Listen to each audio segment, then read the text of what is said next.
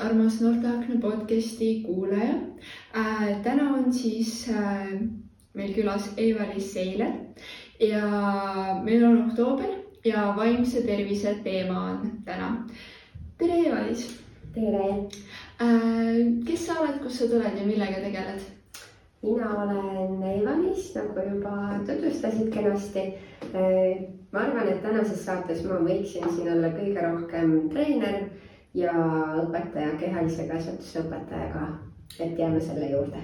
okei okay., kuidas iseloomustaksid ennast kolme sõnaga? sportlik kindlasti, siis õiglane on üks märksõna minu puhul kindlasti ja tahaks öelda ka rõõmsameelsus. hästi, sa oled body art siis treener.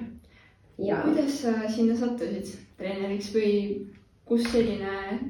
see on selline huvitav lugu, et äh, ma olen nii-öelda aeroobika ja rühmatreener juba alates siis mm, ma ei tea, viisteist aastat juba olnud arvutamine, arvutamine on ju, aga olin ühel ähm, selles suhtes nagu siis äh, aeroobikatreeneritele mõeldud üritusel ja seal oli Robert Steinbacher, kes siis on body art'i looja ja tema näitas siis seda treeningut Eestis esimest korda. Ja ütleme nii, et kohe võitis siis see treening minu südame, et oli too hetk midagi täiesti uut, ilma igasuguste abivahenditeta, paljajalu treening, et, et nagu teistmoodi. Ja mulle on sellised teistmoodi kiiksuga asjad meeldinud. Ja mina kohe vaatasin, et väga äge asi. Ja siis tekkiski võimalus Eestis ka õppida body art'i treeneriks ja olen mina siis esimese lennuviislane Eestis body art'i treenerite seas. väga huvitav.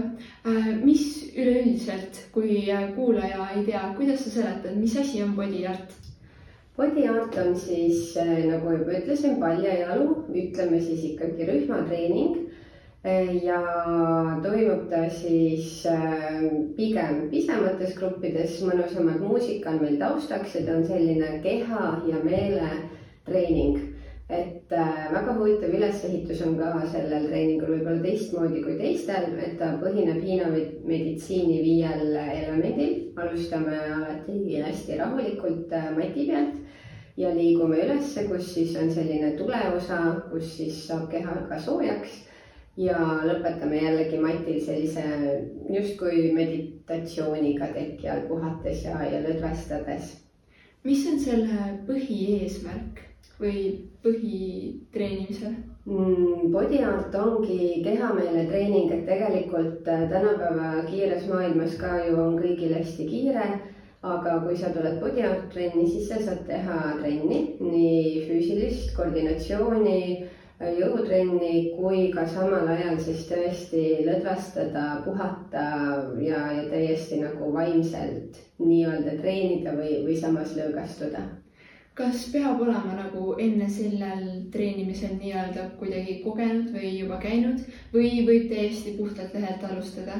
Tegelikult võib tulla täiesti ilma ettevalmistuseta igaüks trenni, et äh, sobib hästi ka võib-olla ütlekski rühiprobleemidega inimestele. tänapäeval on kõik nutis, juba tekivad sellised kaela-õlavöötme probleemid ideaalne treening, et äh, selja ja süvalihastega tegeleme seal palju tasakaaluga, koordinatsiooniga, nagu ütlesin, et tegelikult saavad hakkama absoluutselt igas vanuses ja igast soost inimesed. ehk see treening pigem ei ole keeruline? pigem ei ole tõesti keeruline ja kui tihti kardetakse trennides seda, et muusika ja rütm ja ma ei saa muusikasse pihta, siis see treening ongi selline, et muusika on meil taustaks ja igaüks saab toimetada oma tempos hästi mõnusalt, et treener näitab harjutuse ette, siis me kordame seda harjutuste seeriat, igaüks teeb täiesti enda rütmis. Kas sa soovitad seda noortele või mis vanusegrupi nagu nii-öelda see on pigem suunatud? Äh, kindlasti võiks noored ka äh, kasvõi üks kord nädalas body artis käia, kui oledki regulaarsem treenija et see aitab sul nagu fookuse paika panna, hästi palju räägitakse ka just fookusest, keskendumisest, body art samuti aitab äh, selle puhul väga hästi kaasa. et kui sa tahad intensiivset trenni, siis äh, vabalt võid enne body art'i joosta, hüpata, jõusaalis käia ja siis võttagi sellise lõdvestavama või, või venitavama osana, aga samas ei ole see nii lihtne, et sa üldse nüüd higile trennis ei lähe. aga sa saad kombineerida ja, ja väga soovitan noortele ka, et tänapäeva stressirohkes maailmas see aitab sul paremini endaga toime tulla. okei okay. äh,, aga ütleme nii, et äh, mis on siis, miks peaks just body art treeninguid valima, et mis on see nagu põhiasi, mis eristab seda teistest treeningutest? jah, mõne sõnaga juba ütlesin, et ta on hästi kombineeritud ja, ja ta ei ole päris jooga. me kasutame body artis ka joogalaadseid harjutusi, aga kindlasti lihtsustatud kujul, see ei eelda painduvust, vaid me treenime seal pigem painduvust ja ütleme niimoodi, et kliendid on mulle tagasisidena öelnud, et äh, võib sattuda body artist heas mõttes sõltuvusse, et kui sa oled korra tulnud ja proovinud, et siis kindlasti hakkab sulle see ka meeldima ja, ja sa leiad regulaarse harjutamise käigus, et kui palju kasu sul nii füüsilisele kui vaimsele heaolule see annab tegelikult on hästi palju nagu erinevaid spordialasid, mis ongi, ma võin näiteks omast kogemusest öelda, tantsimine, samamoodi ma lähen sinna ja on selline nii-öelda mulle mõjub hästi, aga body art tundubki selline nagu, kus on mõlemat. nagu võib-olla, kui sa nii-öelda kui tavaline treening on, siis on see, et äh, füüsilisele, aga tundubki, et body art on selline vaimsele ka ja, ja nüüd on body art juba nii palju uuendatud, et äh, tegelikult on body artis ka juba tantsuelemente, nii et äh, tule trenni kust leiab selle kohta rohkem infot? Äh, mina ise annan body art treeninguid praegu Lohkva spordihoones kaks korda nädalas kellel on inglise keelega väga head suhted, on tegelikult äh, Body Arti kodulehekülg olemas, kus sa saad äh, video vahendusel erinevaid ingliskeelseid, saksakeelseid professionaalseid treenereid online treeninguna endale juhendama võtta. aga Tartus hetkel jah, mina siis annan Lohka spordihoones. okei okay., ja kaua sa täpsemalt, sa vist enne mainisid, kaua, kas oli? Palju see, kaua sa umbes tegelenud oled? mina olen body artiga nüüd juba kindlasti üle kümne aasta, et mu esimene laps on kümneaastane ja enne kui tema sündis, ma siis olen esimene, esimese lennu viislane body arti lennu, et juba võib öelda kaksteist aastat. okei okay., aga lähme nüüd nii-öelda, kui sa mõtled oma nii-öelda kui sa ei teadnud veel, kelleks sa nagu saada tahad, kas sa nagu kujutasid ette, et sinust võib saada treener? Ma ülikooli läksin ikkagi õppima kehakultuuri, kuna ma olen ise terve elu võrkpalliga tegelenud, siis tundus see nagu loogiline jätk elule. Ja kehakultuuri siis äh, bakalaureuseõppe lõpus äh, sain magistrisse sisse ja siis sain ka õpetaja ja treeneri kutse endale, et äh, lihtsalt selline kehalise kasvatuse õpetaja tundus mulle nagu natukene igav ja ma tahtsingi treeneriks ka tõesti, see oli nagu sisemine soov, et ma tahaks treeneriks ka saada, siis ma tegin rühmatreeningu kursuse läbi ja edasi siis jõudsin body artini, kuhu ma olen ka jäänud. okei okay,, väga lahe äh,. kaua umbes või nagu, kui pikk on see üks treening? Äh, body arti tund kestab äh, kõige mõnusam tund, kus me saame kõik elemendid mõnusalt läbi töötada, tund aega ikkagi kuuskümmend minutit aga rühmatundide tunniplaanis siis tihti on niimoodi, et on, on võimalik teha ka lühemalt, viiskümmend, viiskümmend viis minutit kuni tund aega. ja kui palju kordi see nädalas on? Kõige parem oleks käia ikkagi kaks korda nädalas ja mina juhendan ka praegu kaks korda nädalas sa enne seletasid seda nii-öelda juba vaikselt, kuidas treening välja näeb mm. -hmm. kas sa äkki soovid midagi sellele lisada, et selline täiesti tavaline treeningpäev kui bodyarti trenni tuled, sul on kaasas veepudel, me võtame vahendite ruumist endale ainult mati, me võtame pleedi, vahepeal kasutame ka harjutuste hõlbustamiseks joogablokke, et see on äh, valikuvõimalus klientidel. Ja mina panen taustaks väga mõnusa muusika käima, kus me siis vaikselt hakkamegi mati pealt täitsa pikutama, üles tulema ja siis kulminatsioon trenni keskel ongi sellised intensiivsemad harjutused, natuke jõulisemad ja siis äh, lõpetame tunni lõpuga sellise mõnusa venituse ja täiesti lebamise ja, ja teadliku mitte midagi tegemisega. mis on kõige parem tagasiside, mis sa oled saanud? jah, üks klient nüüd just hiljuti ütles mulle, et äh, peale bodyarti tundi ma oleks nagu ise massaažis käinud, siis ma mõtlesin küll, et see on mulle väga suur kompliment, et ja klient ise on järelikult nii tubli ja ta teeb nagu tõesti usinalt kaasa, et ta oskab lõdvestuda, kui on vaja lõdvestuda, oskab pingutada, kui on vaja pingutada, et see oli selline äge tagasiside hetk. aga kas sa pigem saad neid tagasisideid äh, tihti? Kuna ma trenni lõpus ikkagi ütlen, julgustan kliente alati, et kui sul on midagi küsida, midagi öelda, mõtteid jagada, tule jaga, et uh, sharing is caring. Ja, ja siis ikkagi, no kes võib-olla eestlaslikult täna ei julge tulla, järgmine tund võib-olla mõtleb, mida tahaks jagada, kolmas tund siis juba tuleb, ütleb ka, et kui nad regulaarselt käivad, siis ma hästi julgustan ja, ja siis nad ikkagi, kes on tahtnud väga öelda, siis midagi ilusat ütlevad ka kas äh, on mingi nagu aeg või mingi nagu treeningute järg, kui sa nagu tunned, et see hakkab mõjuma või on juba esimeses, pärast esimest treeningut juba selline, oh, seda ma tahan, et järgmine kord tunnen kindlasti jälle ja seda mõju tunda?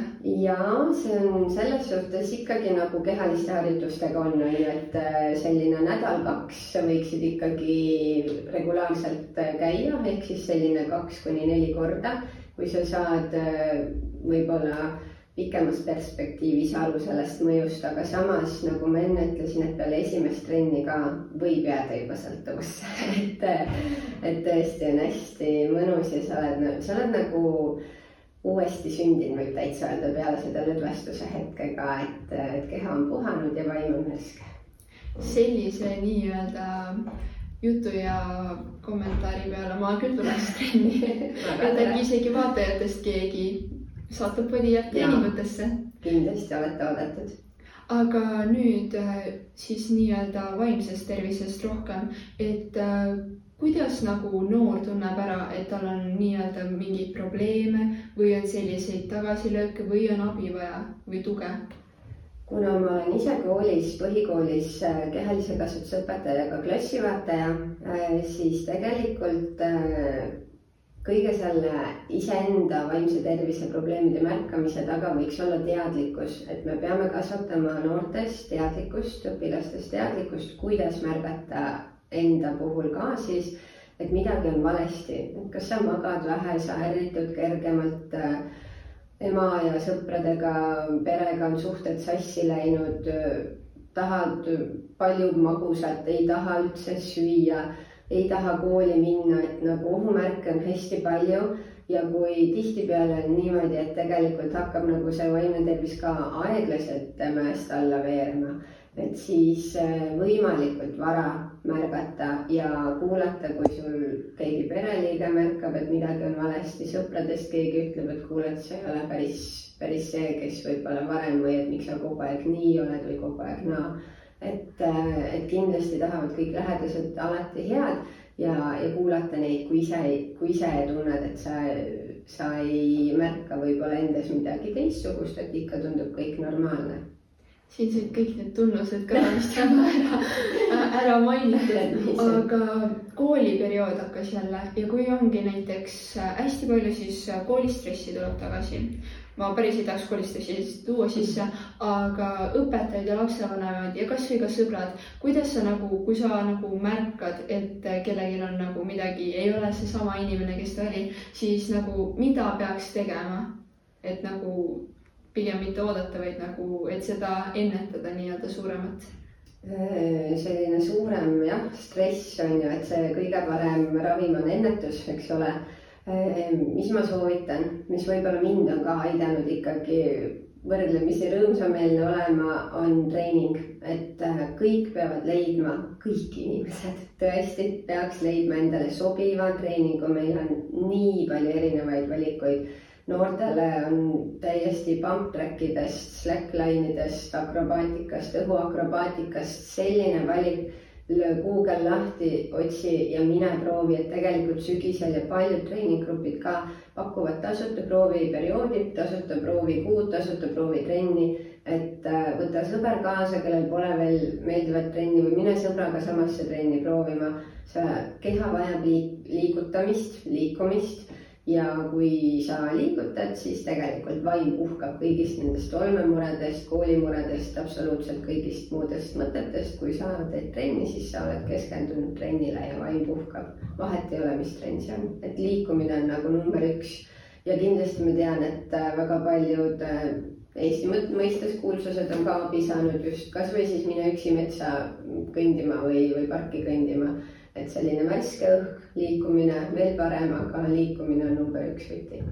ja nõustun, ma olen ka hästi palju nagu spordialasid proovinud, aga lõpuks ongi see, et ma leidsin see, mis mulle päriselt meeldib ja ma lähen nagu hea meelega, isegi kui trenn on raske. pärast trenni on ikka, trenni ajal võib-olla, et oh, miks ma nagu olen siin ja, aga pärast trenni on jälle väga mõnus ja järgmine päev lähed jälle hea meelega trenni. seega jaa pigem tuleb proovida ja katsetada ja mitte karta.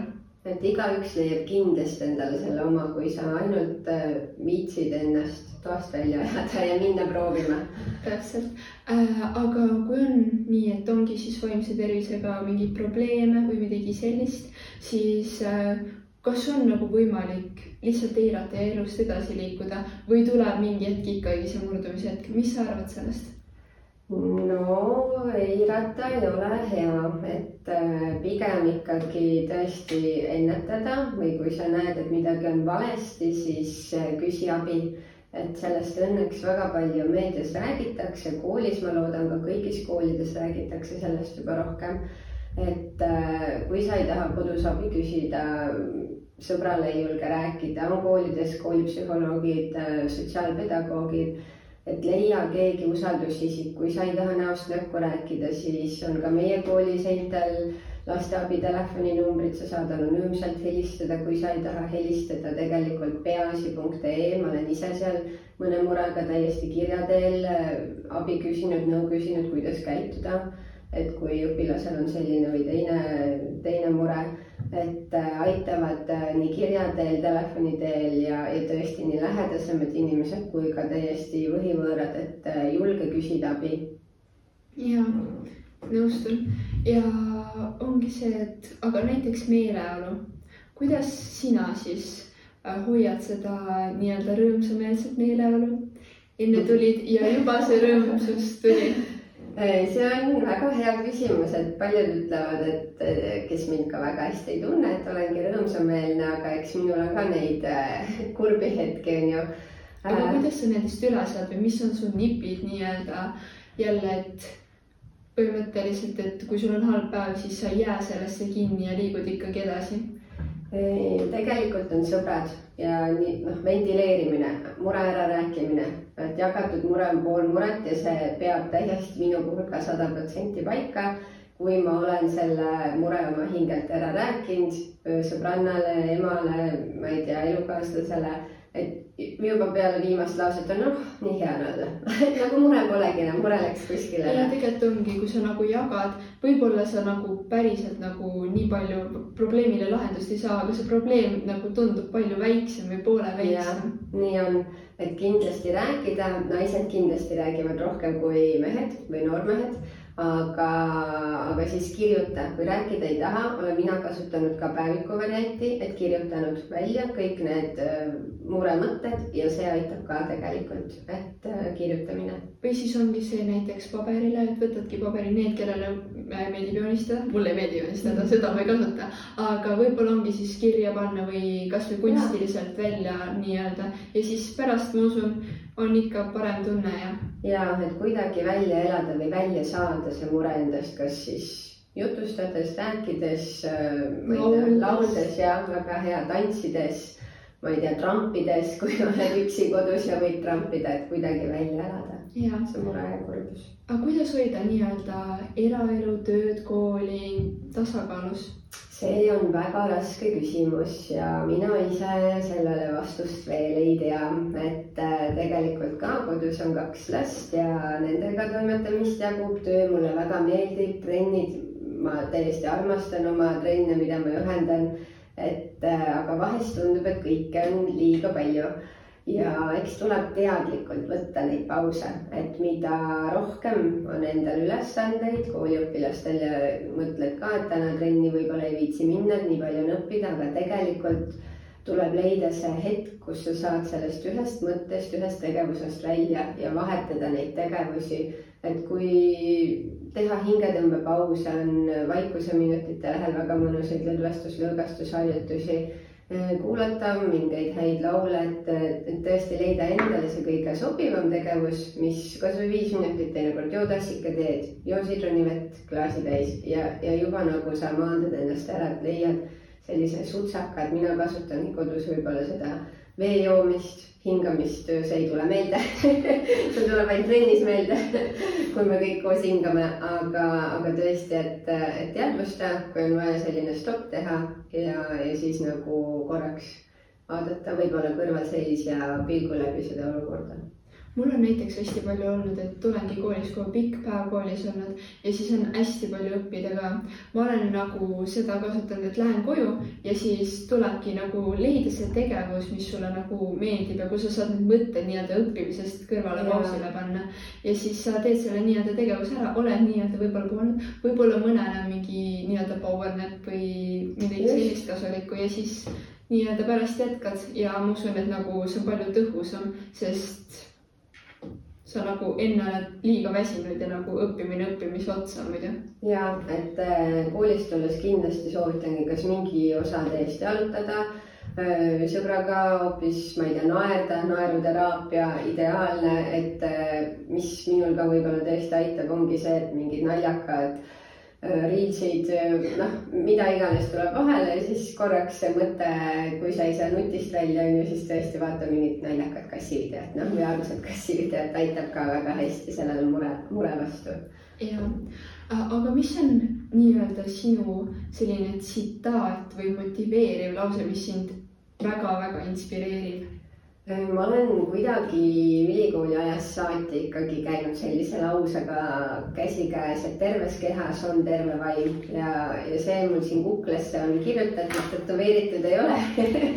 Aga, aga kuidagi ta mul kukles on, et, et tõesti piisavalt sporti, mitte liiga palju, piisavalt und ja, ja proovida leida nagu tasakaal enda igapäevatoimetustes trenni ja, ja töö ja kooli vahel mis oleks nii-öelda noorele, noorel on nagu, ma võin ise ka öelda, ega ma iga äh, nii-öelda öö siis seda täis nii-öelda soovitatud unetundi ei saa, aga mis oleks nagu unetunnid, mis võiks saada meil oli just äh, klassiõpetaja tunnis ka uneteema, pidasime nädal aega unepäevikut. no ja siis tuli täna välja vahva lugu, et üks noormees ütles ka, et äh, oi, et mina panin ilusti kaheksa-üheksa tundi kirja, et oodega magan viis-kuus tundi. ma ütlesin, miks sa valetad? muidu ma saan ema käest koos läbi et ema vaatab seda lehte, on ju, et ema pärast täidab, et väga aus ülestunnistus. tegelikult ikkagi magavad vähem noored ja see unevõlg, mis seal noh, võib-olla tänu nutile tekib, et see maksab lõpuks kurjasti kätte. ma olen kuulnud mingites artiklites või kuskilt lugenud ja kuulnud, et äh, unevõlga, kui sa nagu mõtled, et aa, sa magad selle järgi, siis tegelikult see ei ole võimalik järgi magada no kunagi kuskilt on ka läbi käinud, et ühte magamata ööd inimene magab tegelikult järgi, ütleme keskeltläbi nädal aega ehk seitse päeva sa taastud sellest ühest magamata ööst, et kui sa jõuad hommikul koju, mõtled päeval seal teed kaks-kolm tundi und, on ju. et, et selles suhtes on nagu päris hirmutav ja kui iga öö tekib ju mõni unetund jääb puudu, kuna sa selle siis täis magad, et lõpuks hakkab tervis kannatama. jaa ja tegelikult kõik on omavahel kuidagi seotud, mingi liikumine, hobid, uni, kool ja. see on paras väljakutse leida noorel see tasakaal kõige vahel, et tundub, et see kakskümmend neli tundi ööpäevas on nii vähe, et tahaks nelikümmend kaheksa tundi täiskasvanutel sama. aga tuleb leida kuidagi tasakaal ja mina ise une arvelt allahindlust ei tee, uni on mul number üks, trenn on number kaks ja tõesti, et need asjad peavad olema nädala lõikes tasakaalus, kui ongi üks öö vähem und, siis kindlasti järgmine päev ma lähen varem magama. ja tegelikult mõjutab hästi palju ka toitumine, kõike seda nii-öelda su vaimset tervist ja. see on sinu keha kütus.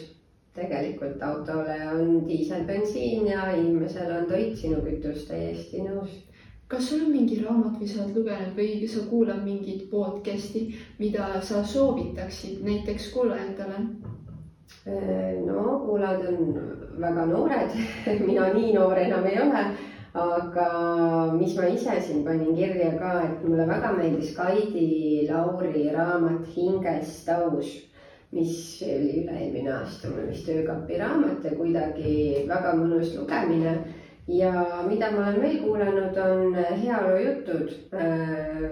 ongi siis äh, body art'i treener Kristi Roosimägi viib seda läbi ja Silja on siis joogatreener, joogaõpetaja, et, äh, et selline mõnus, kerge, lihtne kuulamine ka, kuidas olla heaolus iga päev.